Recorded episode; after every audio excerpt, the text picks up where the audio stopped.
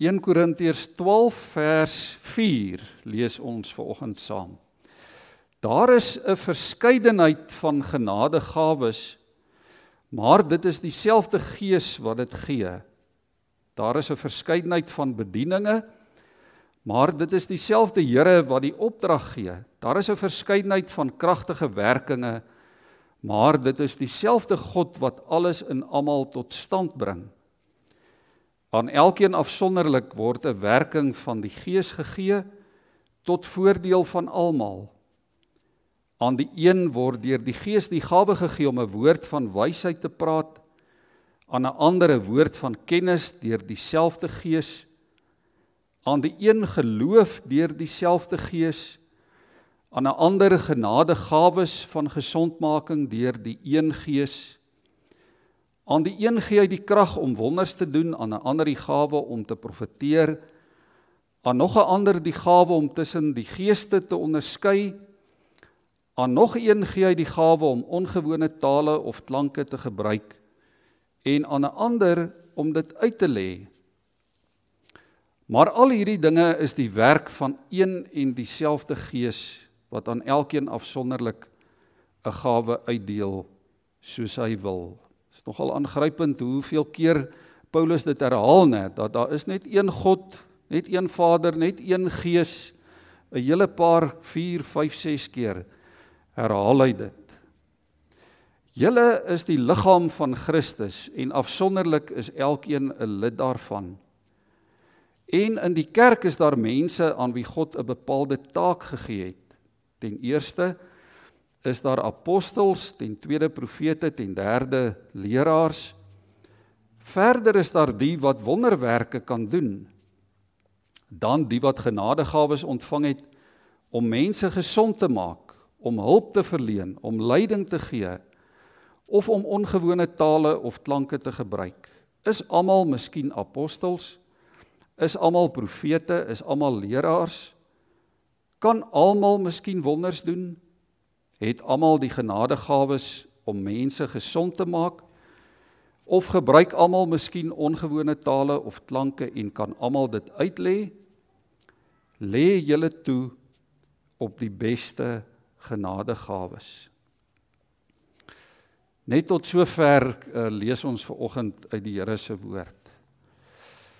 Broers en susters, ons is um in die gemeente besig die afgelope paar Sondae. Ek dink vanoggend is die 5de Sondag in die reeks oor ons ons verbondenheid, ons verbintenis aan God.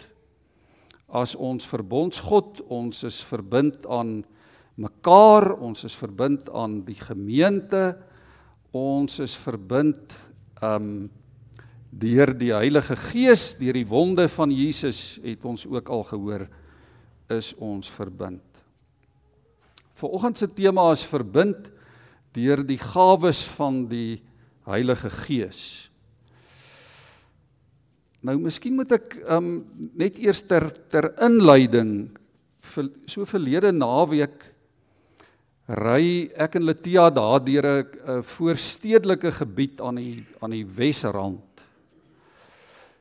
En wat my dadelik opgeval het is hoeveel kerke daar in daai omgewing is. Letterlik elke 200, 300 meter is daar 'n kerk. Um ek het van die name probeer onthou, maar dit was eintlik totaal en al heeltemal onmoontlik. En toe ek by die huis kom toe gaan Google ek uh, ou kom ons deesdae met Google Maps en so aan kan jy nou die kaart mooi oopmaak en dan wys Google vir jou waar van hierdie prominente kerke is. Nie almal nie. En daar's ander maniere ook om te kyk hoeveel kerke is daar in 'n in 'n omgewing.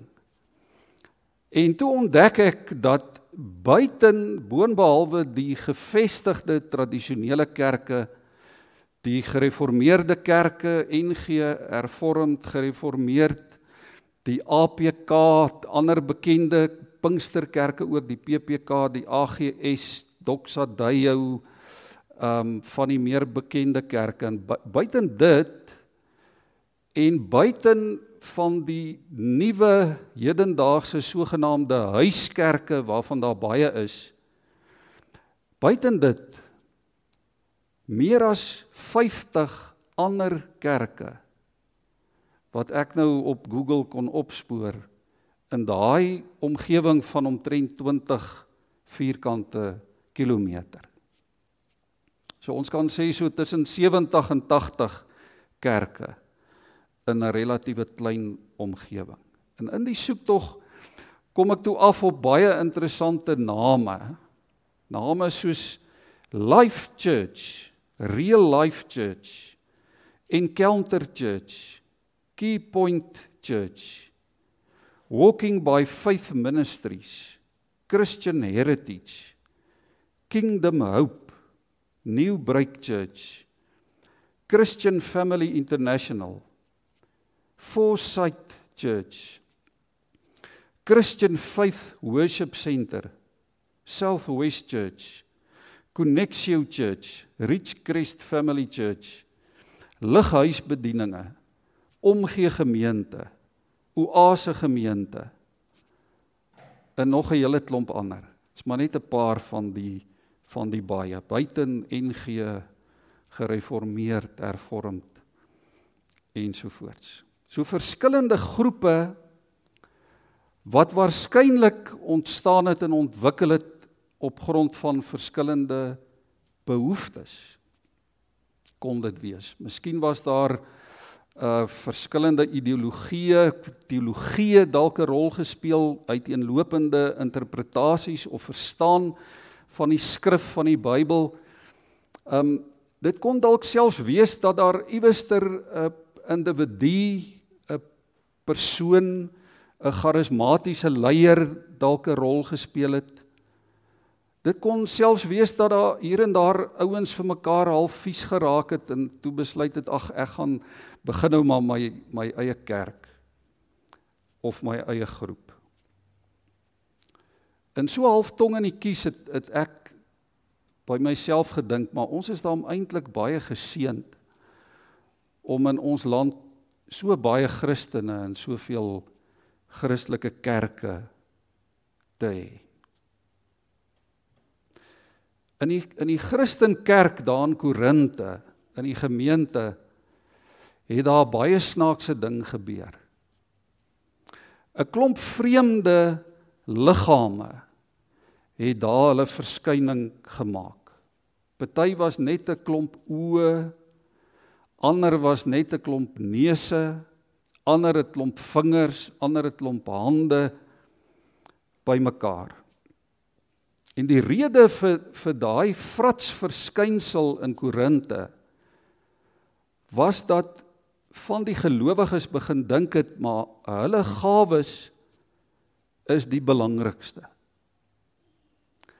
Of dat hulle gawes sekere gawes belangriker is as as ander as die van ander.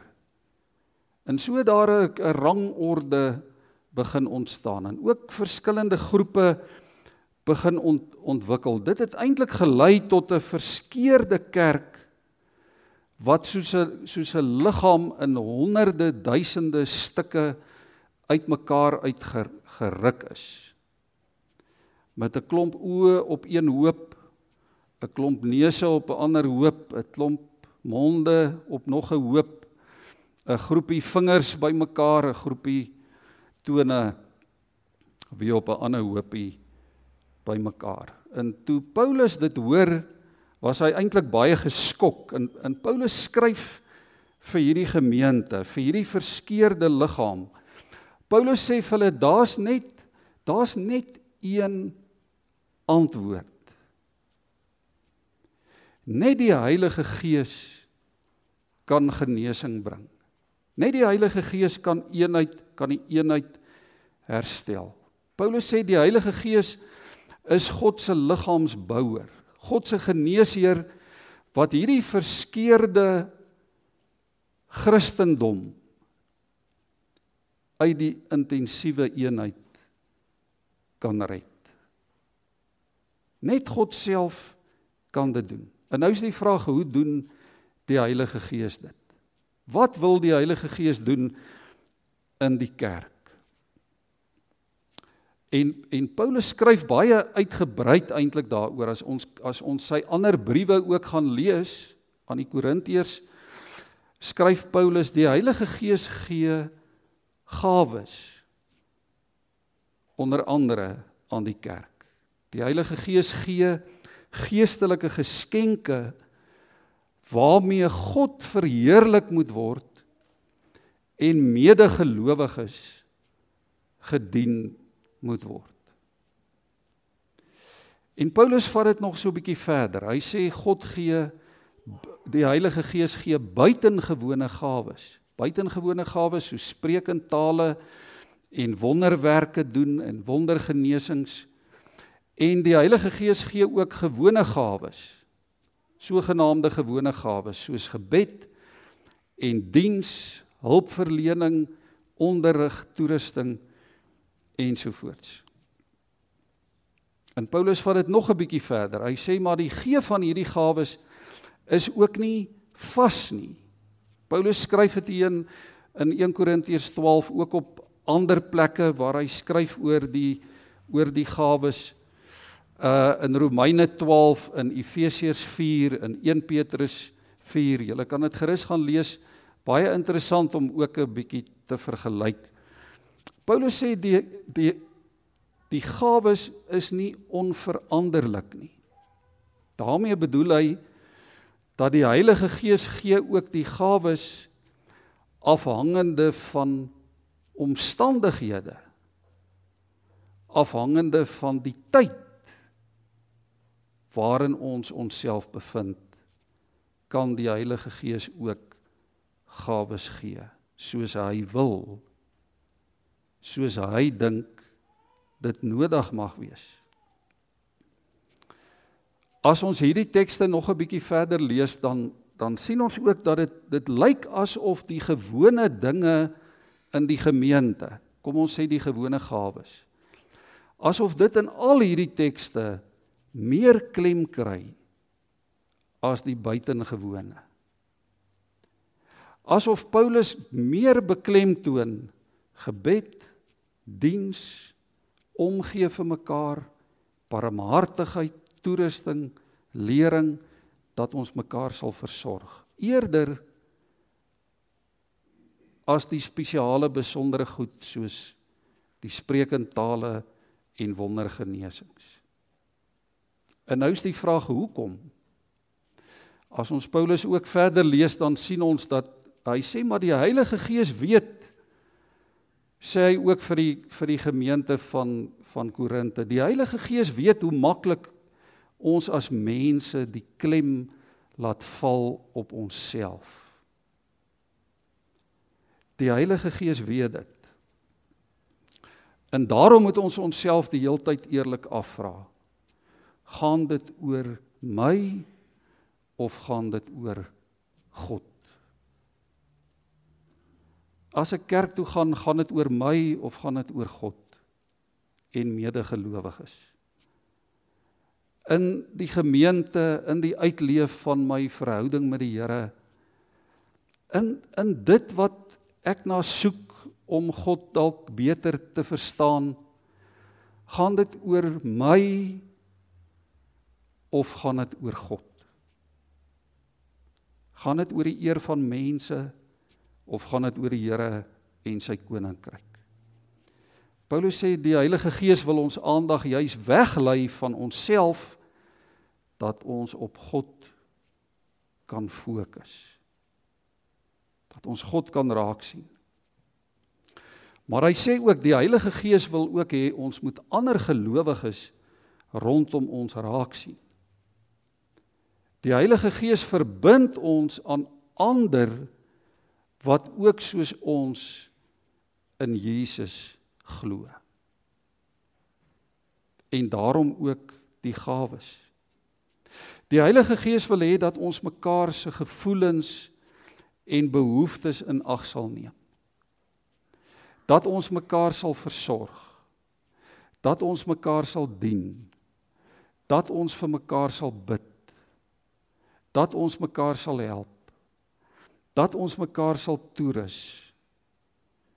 Die Heilige Gees sê Paulus verander ons om te besef maar die ganse heelal draai nie om my of om hoe ek dink oor dit wat dalk reg of verkeerd mag wees nie. Die Heilige Gees wil my laat besef dat dat God en medegelowiges belangriker is as ek self. Die Heilige Gees wil ons ook laat verstaan dat dat in elke liggaam kan daar net twee oë wees. En net een neus. En net een mond. En twee voete en 10 vingers. En en elkeen moet so goed funksioneer as wat hy of sy kan. Elkeen het 'n doel en 'n plek sodat die liggaam gesond kan wees. So goed as moontlik kan funksioneer. So Paulus sê argument sal was ek nie goed kan sing nie, dan moet ek bly wees oor die ander 10 wat wel goed kan sing. Paulus sê ook maar nie almal kan goed preek nie. Nie almal het dieselfde preekstyl nie. Nie almal kan onderrig gee nie. Nie almal kan voorbidding doen nie. Maar daar is wel iets wat elkeen kan doen. Daar's iets wat elkeen kan doen. En jy moet dit doen so goed as wat jy kan. Hoekom? Sodat God geëer kan word en sodat medegelowiges gedien en opgebou kan word in hulle geloof. Broers en susters, ons hoort nie in die kerk van Christus elkeen in ons eie klein hoekie nie. Ek en myne en jy en in joune nie. Dan is ons eenvoudig selfsugtig of loop ons die gevaar om selfgerig en selfsugtig te wees. Deel van ons roeping is om saam die beste liggaam tot eer van God te wees wat ons kan tot voordeel van almal. Die een bring sy tyd en sy energie. Die ander een bring sy sangstem. Die een bring dalk tegniese vaardighede. Nog een of twee of drie bring finansiële kundigheid. Iemand anderster bring wysheid en onderskeidingsvermoë. Daar's iewers een of twee of drie wat goed kan organiseer. Daar's 'n paar wat goed met die kinders kan werk. Daar is van ons lidmate wat wat goed kan bid, wat die gawe gekry het om te bid van voorbidding, om ook vir ander te bid. Daar's ouens wat 'n sterk geloof het en saam beywer ons ons vir die een sigbare kerk van Christus op aarde. Die vraag is wat sien ongelowiges? Wat sien die wêreld as hulle nou deur ons dorpe en deur ons stede en deur ons gemeenskappe en deur ons landskappe ry? Wat sien hulle? Wat hoor hulle by ons? Wat beleef hulle? Beleef hulle die eenheid? Beleef hulle die heelheid in Christus? Wat het jy van die Here ontvang? Kom ons noem dit 'n talent. Ons kan dit 'n gawe noem. Um ons kan dit 'n 'n vermoë noem. Wat het jy van die Here ontvang wat jy op 'n op 'n positiewe opbouende God verheerlikende manier kan aanwend sodat God geëer word en medegelowiges opgebou word in hulle geloof. Die benutting en die uitleef van ons gawes word nie beperk tot die vier mure van 'n kerkgebou nie. Dit word nie beperk tot die tot die heining van 'n kerkterrein of tot die struktuur van 'n gemeente nie. Dis juis bedoel vir die groter geloofsgemeenskap waarvan ons elke dag deel is in hierdie wêreld. Die vraag is hoe benut ons ons gawes? Paulus wil die gemeente van Korinte daarmee help. Hoe benut ons dit daar waar ons werk, daar waar jy skool gaan, daar op universiteit waar jy studeer, daar waar jy elke dag besig is, in jou vriendekring, in jou sosiale lewe, daar waar jy speel. Hoe benut ons dit tot eer van God? Tot opbou van positiewe verhoudinge tussen gelowiges. Hoe kan ons die een sigbare dienende liggaam van Jesus ook in ons dorp wees, in ons gemeenskap op so 'n manier dat dit 'n getuienis is van die een en enigste ware lewende God wat ons almal sê ons in glo. Paulus sluit hierdie aangrypende hoofstuk in 1 Korintiërs 12 af eintlik op 'n treffende manier, daar in vers 31 as hy sê: "Lê julle toe op die beste gawes." Hy gebruik eintlik 'n sterker woord. Hy sê beywer julle vir die beste genadegawes. Wat bedoel Paulus daarmee? Watter gawes is dan dan nou die beste gawes? Ek ons kry die antwoord sommer in die volgende vers al. In die volgende twee hoofstukke, hoofstuk 13, hoofstuk 14. In hoofstuk 13 skryf Paulus daai aangrypende gedeelte oor die liefde In vers 31 van hoofstuk 12 sê hy: "Beywer julle vir die beste genadegawes." En dan net die volgende vers, hoofstuk 13 vers 1 sê hy: "Kom ek wys julle nou wat is nog die allerbeste." En dan skryf hy oor die liefde. Uitgebreid, hy verduidelik, dis amper asof hy nie genoeg kan sê en kan skryf oor die liefde nie. Die liefde wat selfs groter is as geloof.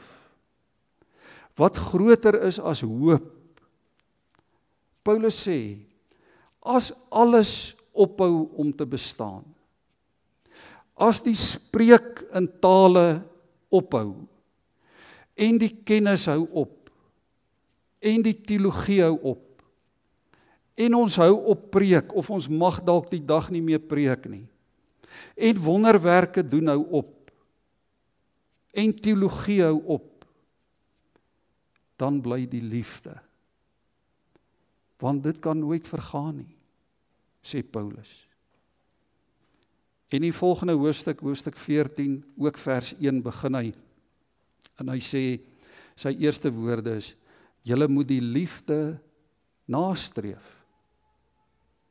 As Paulus in Galasiërs 5 vers 22 die die eienskappe van die vrug van die Heilige Gees opnoem, dan is die heel eerste eienskap liefde. En nou sê hy hier, julle moet die liefde nastreef. Dan sê hy, lê julle toe op die gawes van die Gees, maar veral daarop om God se boodskap te verkondig. Dit maak vir ons alles oop sodat ons dit mooi kan verstaan. Paulus sê die eenheid van die kerk. Die effektiewe funksionering van die liggaam van Jesus lê in hierdie twee goed. Die liefde en die verkondiging van die woord. Die liefde en die verkondiging van die woord. Alles is ondergeskik aan hierdie twee elemente. As 'n ou vir jouself vra, waaroor moet dit vir my gaan in my verhouding met die Here? Waaroor moet dit vir my gaan in my verhouding met met ander mense in hierdie wêreld? Wat moet vir my as Christen die twee ankers wees waaraan ek met my twee hande kan vashou met my hele lewe? Die uitleef van die liefde en gehoorsaamheid aan die woord van die Here. As ek vir myself moet vra of moet uitmaak Here na na watter kerk toe moet ek gaan? is daar liefde word die woord die evangelie van Jesus verkondig. Net daai twee goed. Nie groot doop, klein doop, spreek in tale. Hoe baie of hoe hoe moet ons bid? Moet ons nou staan? Moet ons nou sit, hande op, om hande af? Daar was mos sulke argumente in die verlede, né? Hoedens of nie, toegas of nie. Ons het nou en dan nog 'n gesprekkie oor 'n das of nie. Nee. Is daar liefde? Word die evangelie verkondig. Broers en susters, ek is oortuig daarvan as gelowiges deur die eeue en ons vandag nog hierdie twee ankers kon en kan vasgryp in ons geloof daarop bou, dan gaan die wêreld 'n ander plek wees. Paulus sê in Romeine 10 vers 17, die geloof kom deur die prediking wat 'n mens hoor. En die prediking wat ons hoor is die verkondiging van Christus. 'n Gemeente kan nog bestaan. 'n kerk kan bestaan en 'n kerk kan nog floreer sonder wonderwerke, sonder spreekende tale.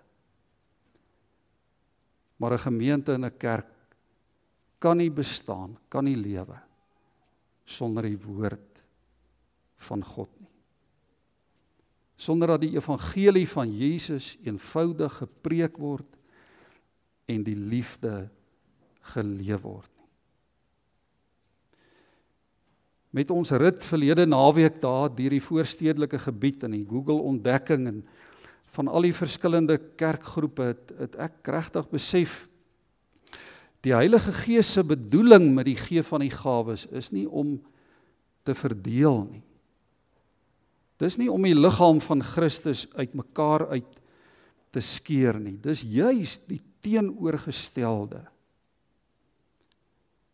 En daarom glo ek die Heilige Gees roep ons in hierdie tyd as gelowiges tot die uitleef van die liefde tot die verkondiging van die woord sodat daar sigbare eenheid kan wees in hierdie deurmekaar wêreld 'n wêreld wat wat uitmekaar geskeur word deur allerlei goed deur onvrede deur liefdeloosheid deur 'n koronavirus deur dit wat ons emosioneel en geestelik en liggaamlik fisies ervaar en beleef.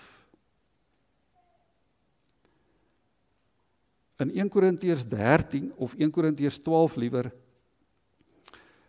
begin Paulus hierdie hierdie argument met die gemeente van Korinte eintlik op 'n op 'n baie aangrypende manier. Ons kan dit maklik mislees. As hy daan vers 3 sê, niemand kan sê Jesus is die Here nie behalwe deur die Heilige Gees. En daarmee bedoel Paulus dat die doel van die kerk, die doel van 'n gemeente, die doel van die liggaam, die doel van die gawes is dat almal sal weet en uit een mond uit sal bely Jesus is die Here. Dis waarmee ons besig is.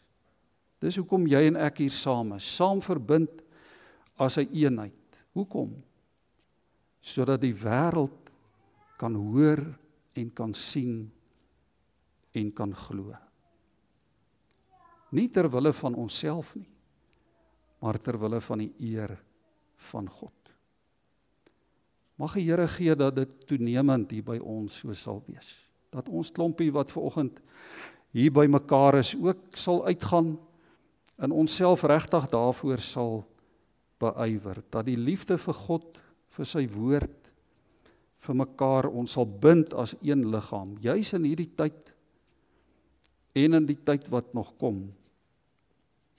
En mag die manier hoe ons dan ons gawes uitleef 'n teken daarvan wees dat ons liefde het vir God vir sy woord en vir mekaar. Amen. Kom ons buig ons hoofde so voor die Here.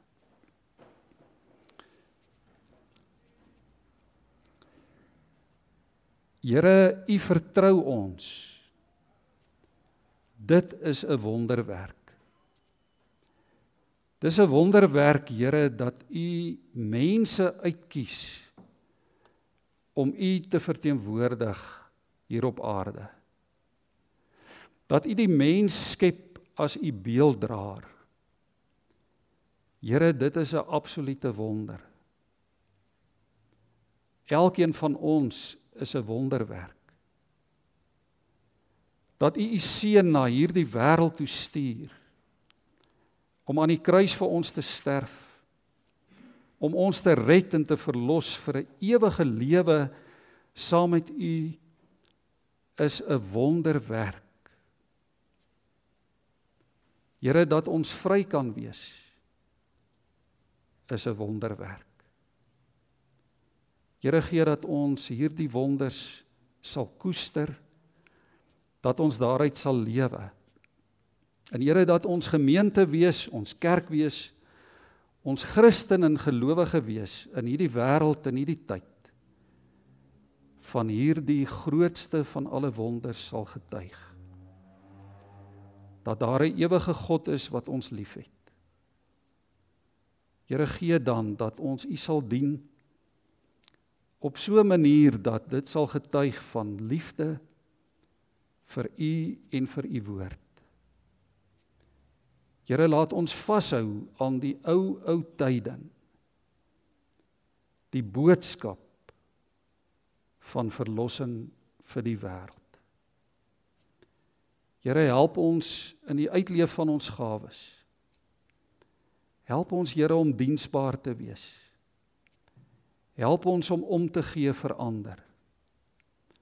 Help ons om mekaar te leer wat die regte pad is om te kies hoe ons moet lewe. Help ons om vir mekaar te bid.